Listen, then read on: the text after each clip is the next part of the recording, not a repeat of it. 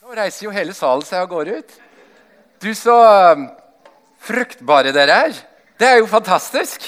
Så mye barn. Og um, det er Jeg må si det er virkelig et, uh, et stort privilegium å, å, få lov å komme her. Det er et stort privilegium å um, få lov til å bruke en hel helg på, på noe jeg virkelig brenner for. Og mange tenker gjerne at å, det må være veldig slitsomt. Det må være veldig røft å på en måte være uh, altså Jeg, jeg starta jo fredagskveld inni der med, med sånn rundt 20-åringer. 18-20, litt eldre kanskje, åringer. Og så hadde jeg foreldreseminar på, um, i går. Også ungdomsforeningen her i, uh, i går kveld. Og for meg så er det å komme her uh, på søndagen, altså til dere, til familien, til storfamilien, det er et enormt privilegium. For det forteller meg noe om dere. Det forteller meg noe om hvem som, hvem som leder storfamilien. Det forteller meg noe om hvor høyt og stort de verdsetter faktisk det som jeg jobber med i, i, i mitt arbeid. Fordi at det å forankre dette som handler om, om seksualitet, om identitet, i Kirken, altså i dere, her på søndagen, det betyr noe. Dette er viktige ting. Dette er essensielle ting i, på en måte, i evangeliet. Dette er essensielle ting i mennesket.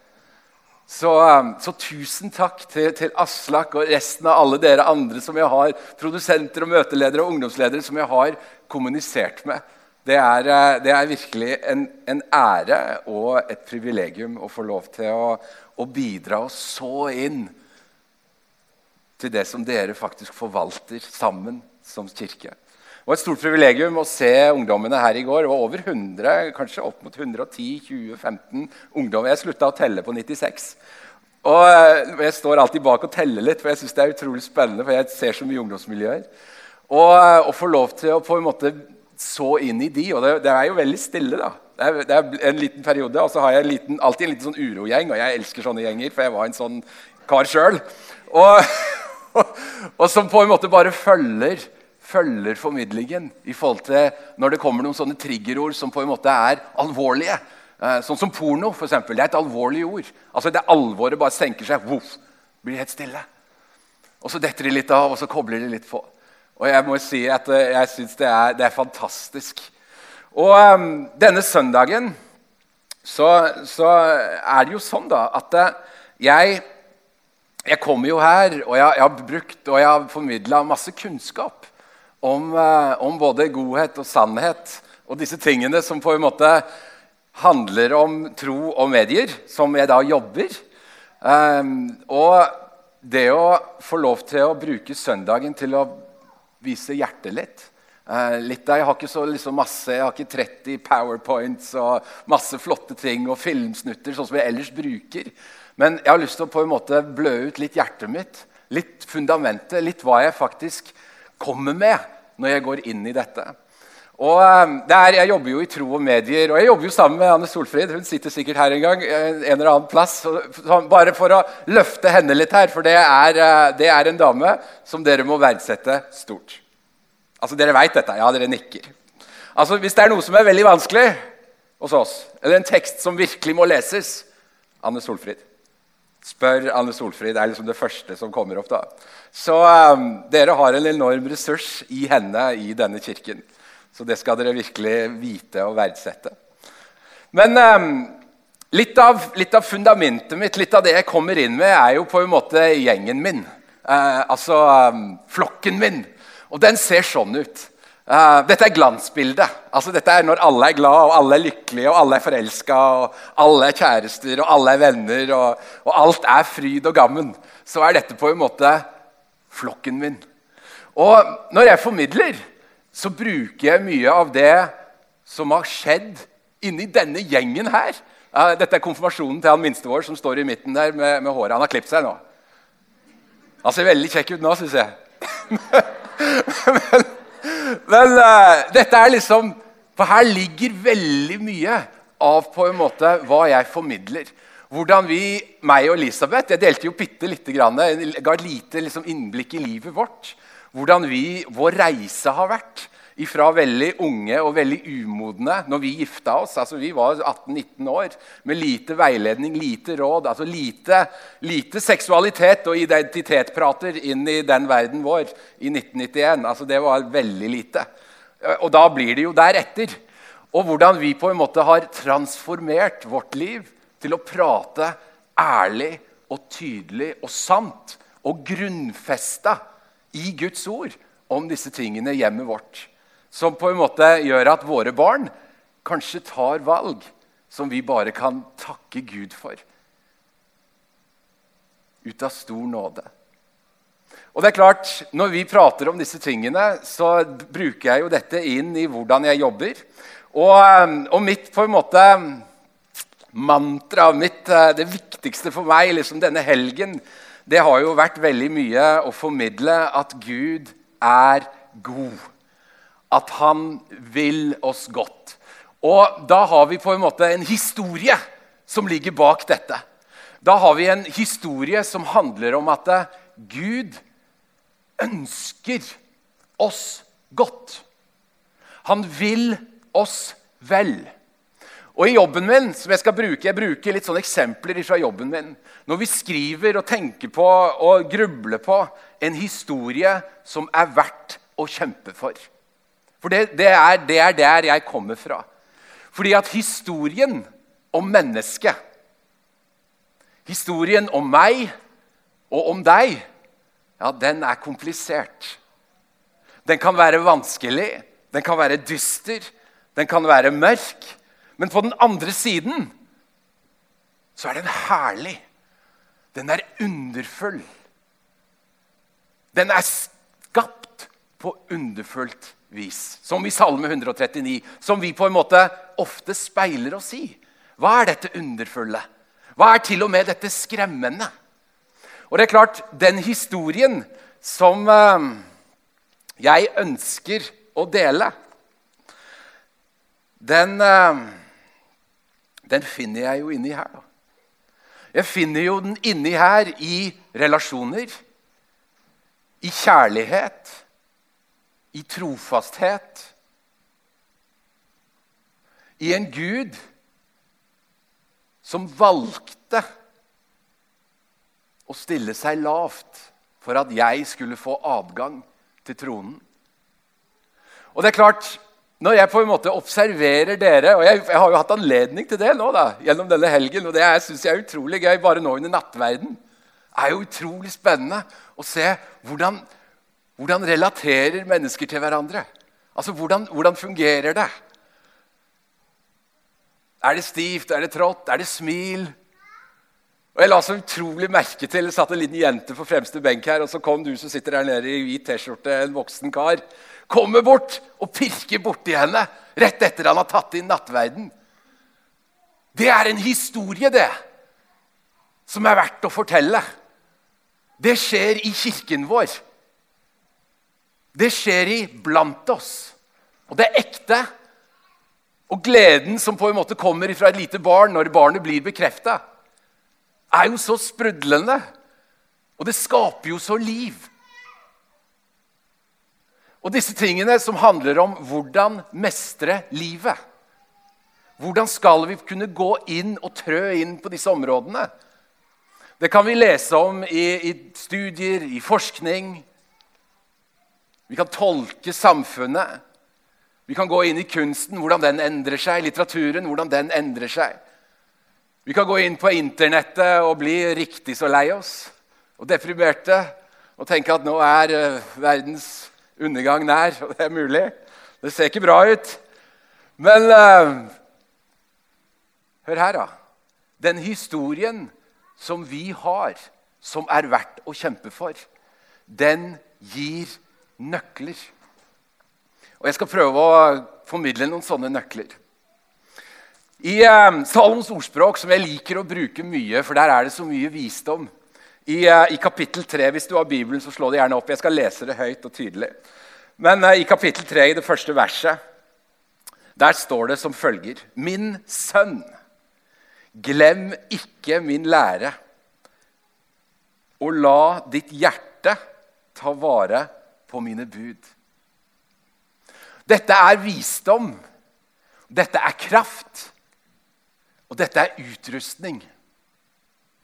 Og så er det store spørsmålet som vi ofte stiller oss, og som jeg hører mer og mer inn i veldig mye av den verden som jeg jobber i. Hvorfor? Eller why? Det er en populær måte å si det. What's the, what's the why? Altså, hva er grunnen? Hvorfor, tenker jeg, at sex før ekteskapet ikke er ok? Hvorfor mener jeg at samboerskap ikke hører noe plass hjemme i en kristen tankegang? Hvorfor mener jeg at samliv er mellom mann og kvinne? Dette er kjempeviktige ting. Det står i Bibelen. Jo, det står i Bibelen. Men hvorfor? Hvorfor er denne sannheten så viktig? Og hvordan kan dette formidles? Og det er klart, Bibelen, Guds ord, er jo den klokeste boken vi kan gå til. Dette er levende. Dette er òg dynamisk. Det beveger seg i takt med meg. Det snakker til min ånd, som tar imot disse tingene. Og Når jeg grunner på disse tingene, så leser jeg ofte videre et vers eller to. Og det kan ha noe for seg når en gjerne stiller seg spørsmål om hvorfor. Fordi at eh, Det står jo her, da. La oss repetere. Min sønn, glem ikke min lære, og la ditt hjerte ta vare på mine bud. For tallrike dager og mange leveår skal de gi deg. Det er grunnen.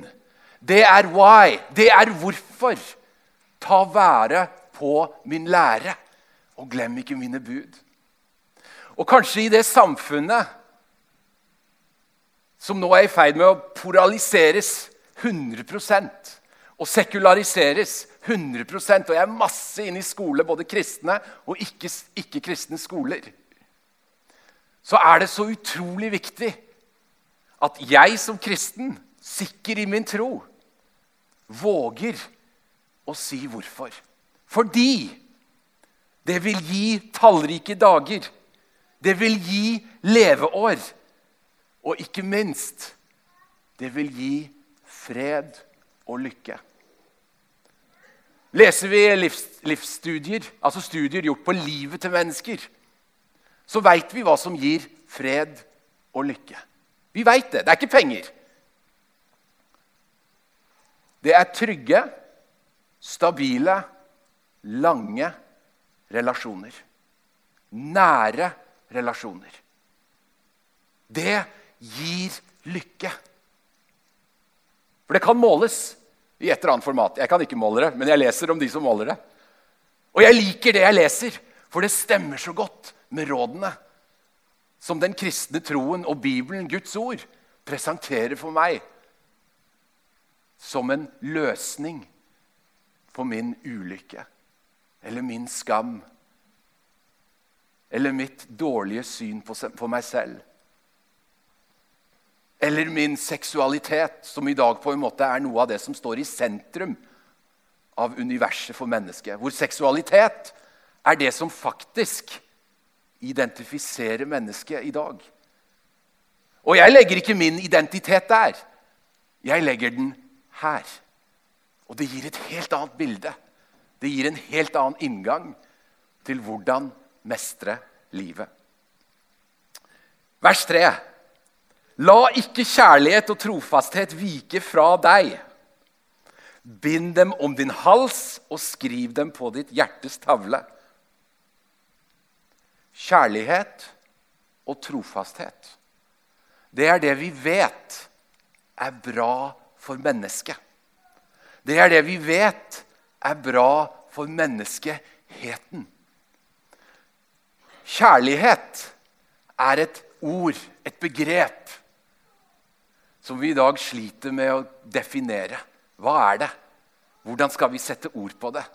Hvordan skal det komme til uttrykk? Og jeg var veldig tydelig på fredagen jeg var veldig tydelig på lørdagen, i begge ulike settingene, at det er to plasser hvor dette ordet virkelig skal leve og komme til uttrykk. Det er hjemmet, i de nære relasjonene. Og dette kan være vanskelige ting å gå inn i. Dette kan være veldig vanskelig og sårbare ting å gå inn i. Og så har vi Kirken. Det òg kan være vanskelige ting å gå inn i. Men disse to plassene skal kunne vise kjærlighet. Og kjærlighet vi skal komme litt inn på definisjoner, det er jo noe som kan vokse. Det er noe som skal forvaltes. Det er noe som trenger næring. Det er noe som trenger føde. Og den rette føden for kjærlighet, ja, da er vi tilbake igjen i Guds ord. Da er vi tilbake igjen i visdommen som er lagt ned her. Vers 4. Det er mer hvorfor, faktisk. Det er mer why. For det er masse gode råd her, hva som er lurt å gjøre. Og så kommer det et nytt hvorfor. Så skal du finne velvilje og få god forstand i Guds og menneskers øyne. Vi snakker om fred, vi snakker om lykke, vi snakker om god forstand i Guds og menneskers øyne. Og hør her, Vi lever i en tid hvor dette er vanskelig. Og Jeg formidla til over 100 ungdommer her i går om Gud, om at Gud er god, og hans velvilje overfor oss. Og jeg vet jo, og jeg opplever jo å snakke med mange mennesker som opplever at det, Og vi vet jo dette ut ifra både undersøkelser som laget nylig har gjort, at det er vanskelig å uttrykke troen sin. Men eh, jo mer jeg graver, jo mer jeg høster ut av Guds ord, jo frimodigere blir jeg i forhold til å tale ut hva jeg tror på. Fikk dere med det? Frimodigheten min øker i takt med hva jeg tar inn.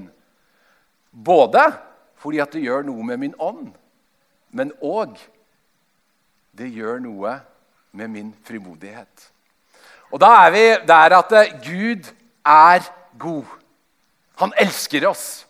Og um, hvis vi går gjennom boken, altså selve kjærlighetsboken, som jeg liker å kalle det, Bibelen, så er det så mange elementer i den som tilsier at vi snakker jo om en gedigen kjærlighetshistorie. Vi snakker om en enorm kjærlighetshistorie hvor det starter ut med en Gud som skaper. Og Han skaper jo en mann og en kvinne. Han skaper en ramme rundt disse to menneskene. De var nakne, Adam og hans hustru, og de skammet seg ikke. Og Denne nakenheten var jo langt mer enn en fysisk nakenhet. Det var en åpenhet. Nakenhet er sårbarhet. Jeg har hatt min skjære andel samtaler med ungdommer som har delt nakenbilder, som har kommet på avveie på nett. Nakenhet er sårbarhet. Det gjør vondt. Går vi over i sårbarheten oss mennesker imellom, så er vi jo inne i relasjonene våre. Da må vi inn i identiteten vår. Da må vi inn i historien vår og åpne opp disse kamrene. Og jeg ønsker jo å leve et liv som er transparent. Jeg er nødt for det, for jeg jobber med så brennhete tematikk at jeg er nødt for å leve et liv som er transparent. Jeg vet ikke hvordan det er med dere, men Nå har ikke vi små barn lenger. Men når vi hadde små barn det, og vi fikk besøk, så var det om å gjøre å lukke noen dører fort. Og måke ting inn der. Fort.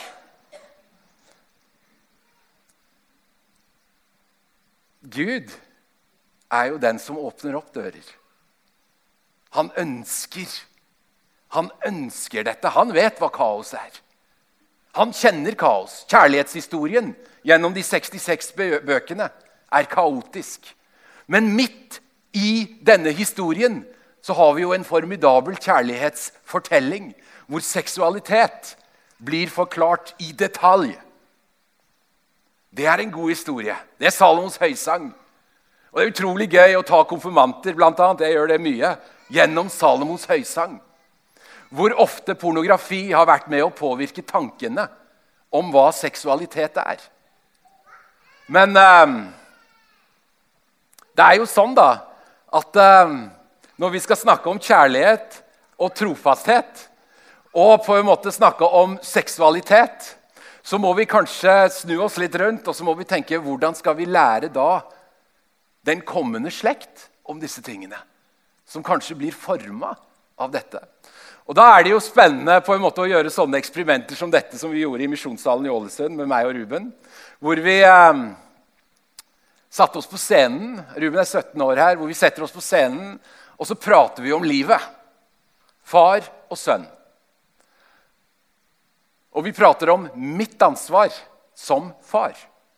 Hvordan skal jeg utruste han da med et sett gode verdier i forhold til jenter? Hvordan skal jeg utruste han med et sett gode verdier i forhold til seksualitet? Hvordan skal jeg gi han verktøy for å blokkere venner som sender han porno på i grupper. Det begynner å skje veldig ofte overgangen barne- til ungdomstrinn. Så er kameratflokken på, og så begynnes, begynnes det å deles bilder. Eller filmsnutter. Hvordan skal jeg kunne gjøre det? Og Det er ikke hans hode som ligger på hoggestabben der på den scenen. Det er mitt. For det er mitt ansvar, for jeg er far. Og det er klart, I dag så har vi en, eh, en verden som er i ferd med å utradere far. Og det vil gjøre noe med gudsbildet i landet vårt. Fordi at far er lenger ikke nødvendig.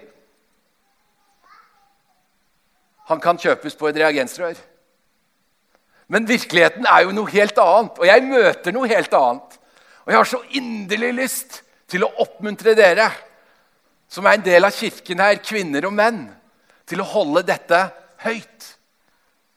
Dette, dette familiesynet, dette verdisynet, hvor de to elementene kvinne og mann som er skapt likeverdige, får utfylle hverandre. Og det får vokse, og det får gro. Og Dette handler jo om å ta steg i tro. da, og Dere er jo i Hebreverbrevet, og det er jo en tros, uh, troserklæring, hele Hebreverbrevet. Og jeg, jeg, kjørte jeg kjørte innover i dag, og um, jeg hadde en spennende samtale med min far i dag morges hvor vi snakket om Einar Lundby. Um, og Mange av dere kjenner jo helt sikkert han. Det er jo en, en troshelt. Han, uh, det er en historie som, uh, som, går om han hvor han ble minnet om å gå ut i skogen. Dette er jo mannen som snakket ærlig om livet. ærlig om livet. Dette er mannen som satte i gang prosessen rundt Modum Bad. dette er en lege, forkynner, en sterk karakter i vår kristne historie. Men han ble minnet om å gå ut i skogen og synge en salme. Og Salmen eh, er det kanskje noen av dere som kjenner, særlig dere som er eldre. Velt alle dine veier og all din hjertesorg på ham som evig har den hele himmelets borg. Han gikk ut i skogen og sto stille ute i skogen og ble minnet om å synge denne salmen. Og sang den høyt for seg selv. Senere så opplevde han å komme på et møte hvor han ble konfrontert med at du sang en salme en gang i et skog. Jeg sto like i nærheten med et tau om halsen og skulle avslutte livet mitt. Det er å ta et steg i tro. Det er å ta livet på alvor. Dette er å ta Guds ord på alvor. I dag så har vi eh, utfordringer knytta til kjønn, knytta til samliv, knytta til identitet, knyttet til seksualitet. Knyttet til alle de vanskelige tingene som på en måte koker i samfunnet vårt. Og Dette er det jeg møter ute i felten. Dette er disse spørsmålene som koker blant unge mennesker som får enorm påvirkning. Som får, får enorm påvirkning. Gjennom skole, gjennom samfunn, gjennom mediene. Og vi har et mandat som kirke. Vi har et mandat som kristne til å holde fram Guds ord. Til å holde fram det som er sant. Dette handler ikke om å tråkke på mennesker. Dette handler om å presentere nåden og muligheten til å leve i nåden. På tross av smerten. På tross av fristelse. På tross av livet.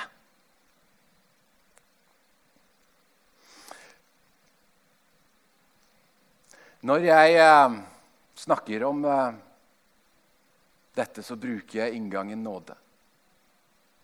Jeg bruker nåde som et ord, som eh, et begrep, og jeg setter gjerne ord på det. Og jeg bruker veldig gjerne historier som er knytta opp til stor nåde. Jeg bruker ofte Johannes 4 og kvinnen ved Sykars brønn. Hvordan Jesus på en måte velger den morgenen å gå en omvei som er betydelig lengre enn den avstanden han kunne gått. Hvordan han velger seg ut en kvinne som lever i dyp skam, i seksuell synd, i utstøtthet. Hvordan han velger ut denne situasjonen.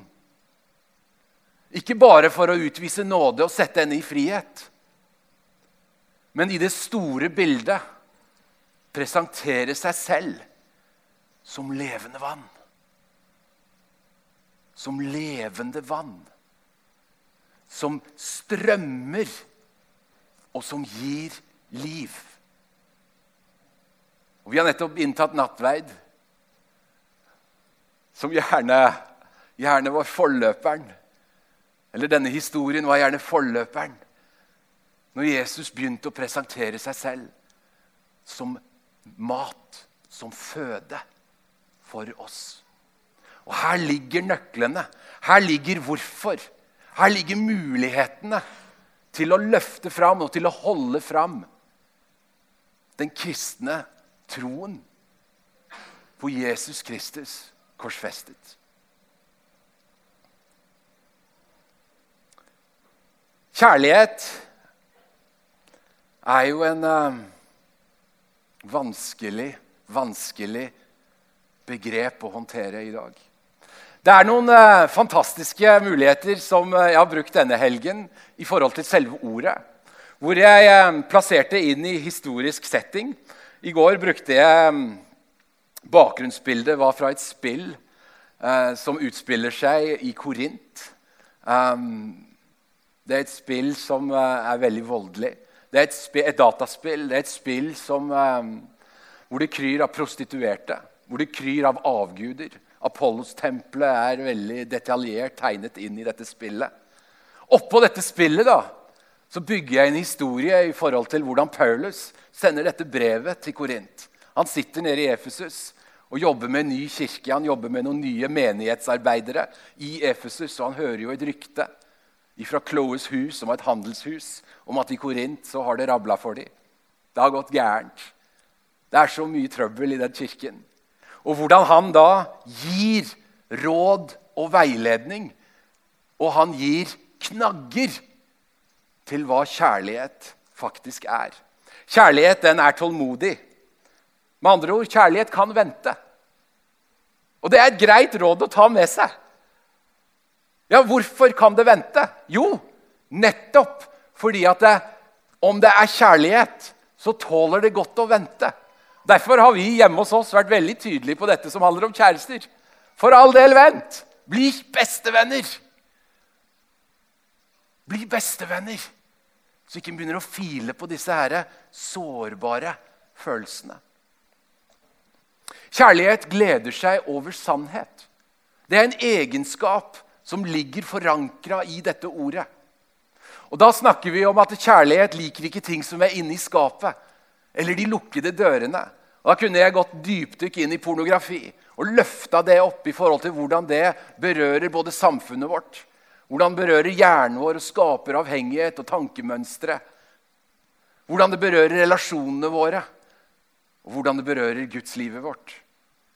Jeg har mange samtaler med mennesker som sier at jeg mister jo all frimodighet overfor Gud hver gang jeg har sett pornografi. Og mitt tilbakespill er jo selvfølgelig gjør du det, for du er laga for noe mye bedre. Historien om kjærlighet, historien om seksualitet, er så mye flottere, den er så mye renere.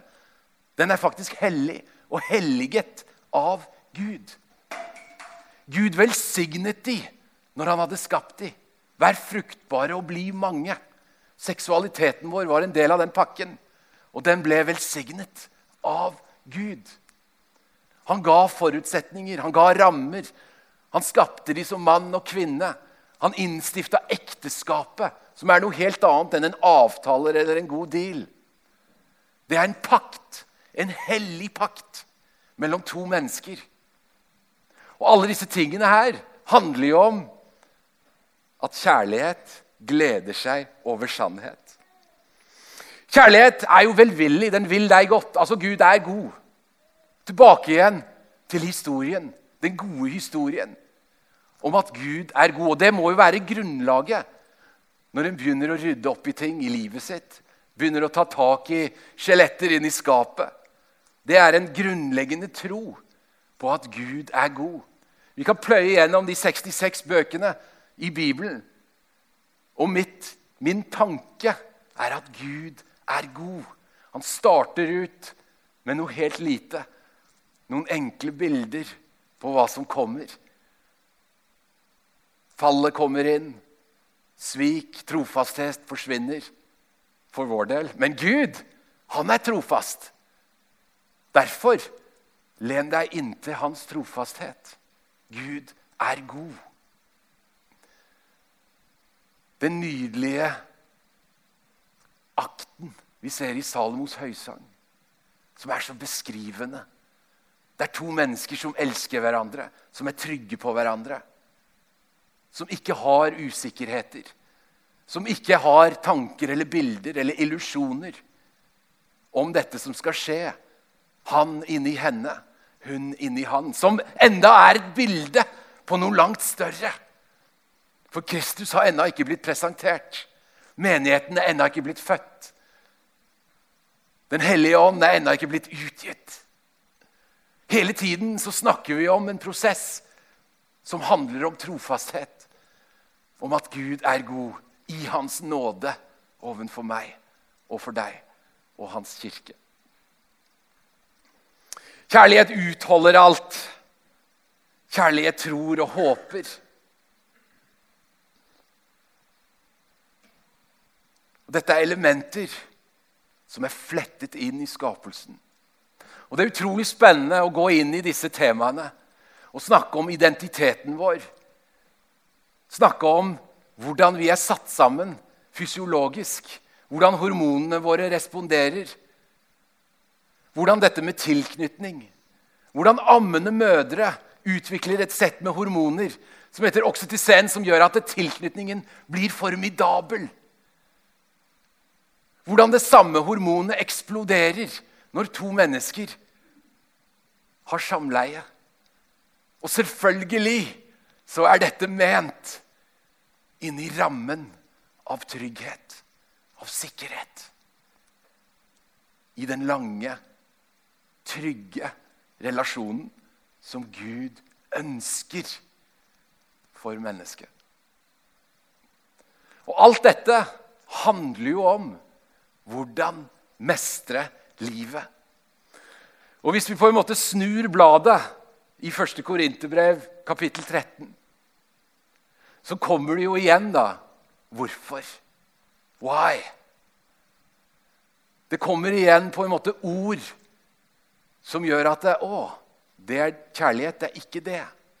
Og det kan være kjærlighet misunner ikke. Kjærlighet gjør ikke noe usømmelig. Det ordet pleier jeg ofte å forklare når jeg har ungdommer. Jeg kan forklare det ganske inngående hvis jeg har god tid. Kjærlighet blåser seg ikke opp. Kjærlighet søker ikke sitt eget. Og dette, er, dette er som å hive dynamitt inn i vårt samfunn, som er blitt ene og alene sentrert om meg, om mine behov og min følelse. Og det å sette Gud inn i sentrum det gir en helt annen kraft. Det gir en helt annen mulighet. Og det er på en måte den plattformen, de skuldrene, de mulighetene som jeg bruker når jeg er ute sånne helger som dette. Til å formidle og forhåpentligvis tiltrekke mennesker til Guds ord.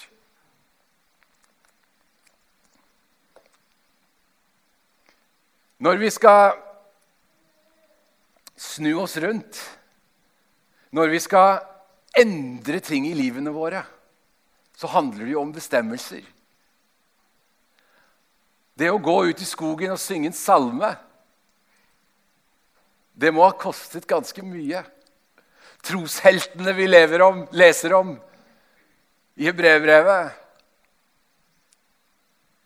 må ha kostet ganske mye. Jeg har lyst til å utfordre deg helt på slutten her til å ta noen steg i tro. Til å ta noen steg ut i et ukjent landskap. Og vi ba så nydelig her før møtet. Og Der var det produsenten som ba en ny ring, en ny kappe, nye sandaler. Hvor den bortkomne sønnen bare kommer tilbake og blir vist stor nåde. Og Det er min utfordring til deg i dag. Det er, det, det er mitt ønske. Det er det jeg virkelig brenner for å kunne formidle. Ta noen steg i tro. Slipp lys på alt inni deg. Og i en kirke som dette med masse ulike ledere i all slags aldre, så er mulighetene enorme. Jeg har snakket med eldre mennesker, unge voksne mennesker og ungdommer. Dere har det som skal til. Her er ressursene som er gitt dere ut av stor nåde. Takk, far, for din herlighet.